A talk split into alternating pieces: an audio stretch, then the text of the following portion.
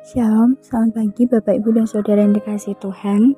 Kita patut bersyukur kepada Tuhan karena atas kasih dan cintanya kepada kita, kita boleh dapat bangun pagi dan kita bersiap untuk mendengarkan renungan suling pada hari ini.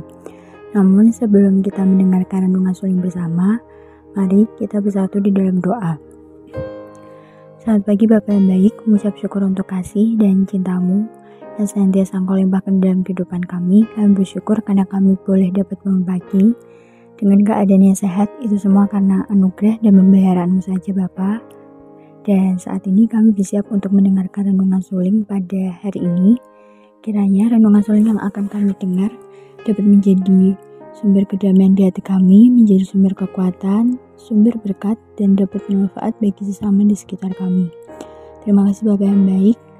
Ampuni segala dosa dan kesalahan kami, hanya di dalam nama saja kami telah berdoa dan mengucap syukur. Haleluya. Amin.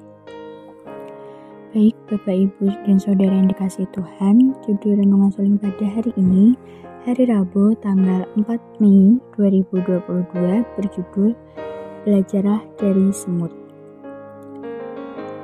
Bacaan kita pada hari ini terambil dari kitab Amsal 6 ayat 1 sampai dengan 19. Di dalam kitab Amsal 6 ayat 6 firman Tuhan berkata, Hai pemalas, pergilah kepada semut Perhatikanlah lakunya dan jadilah bijak. Tentu saja tidak ada di antara kita yang tidak pernah melihat semut. Meskipun bertubuh kecil, namun kehadirannya yang berkoloni sering kali mengganggu kenyamanan kita. Keberadaannya sulit terdeteksi. Tidak tahu dari mana, tahu-tahu sudah ada. Misalnya, ketika kita tidak sengaja menumpahkan gula, maka dalam sekejap saja semut yang entah keberadaannya dari mana sudah datang menyerbu.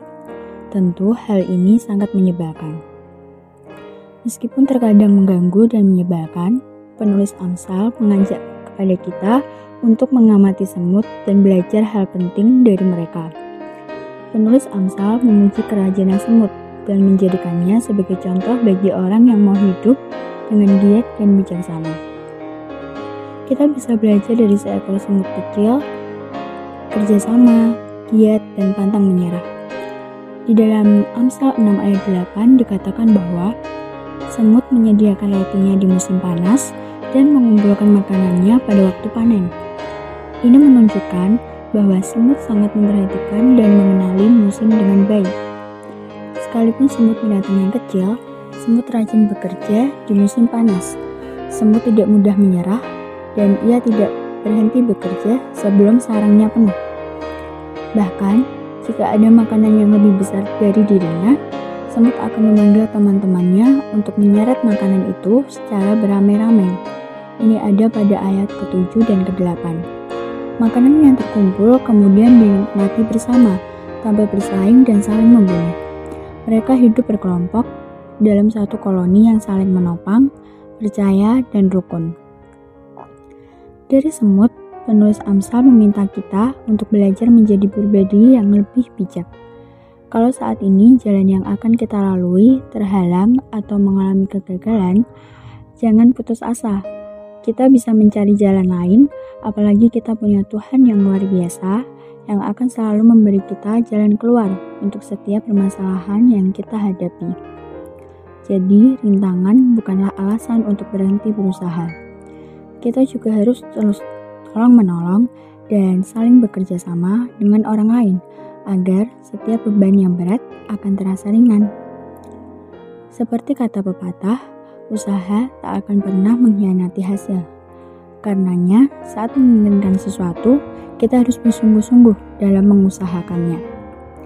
Baik Bapak Ibu dan Saudara yang dikasih Tuhan, pokok doa pada hari ini, kita berdoa untuk rencana renovasi tahap kedua yaitu perbaikan atap gereja dengan kebutuhan dana sekitar 30 juta agar bisa tercukupi dan terlaksana.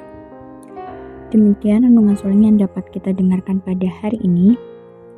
Demikian renungan suling yang dapat kita dengarkan pada hari ini. Kiranya renungan suling yang telah kita dengar dapat menjadi sumber kekuatan, sumber kedamaian, dan menjadi sumber berkat bagi Bapak, Ibu, dan Saudara.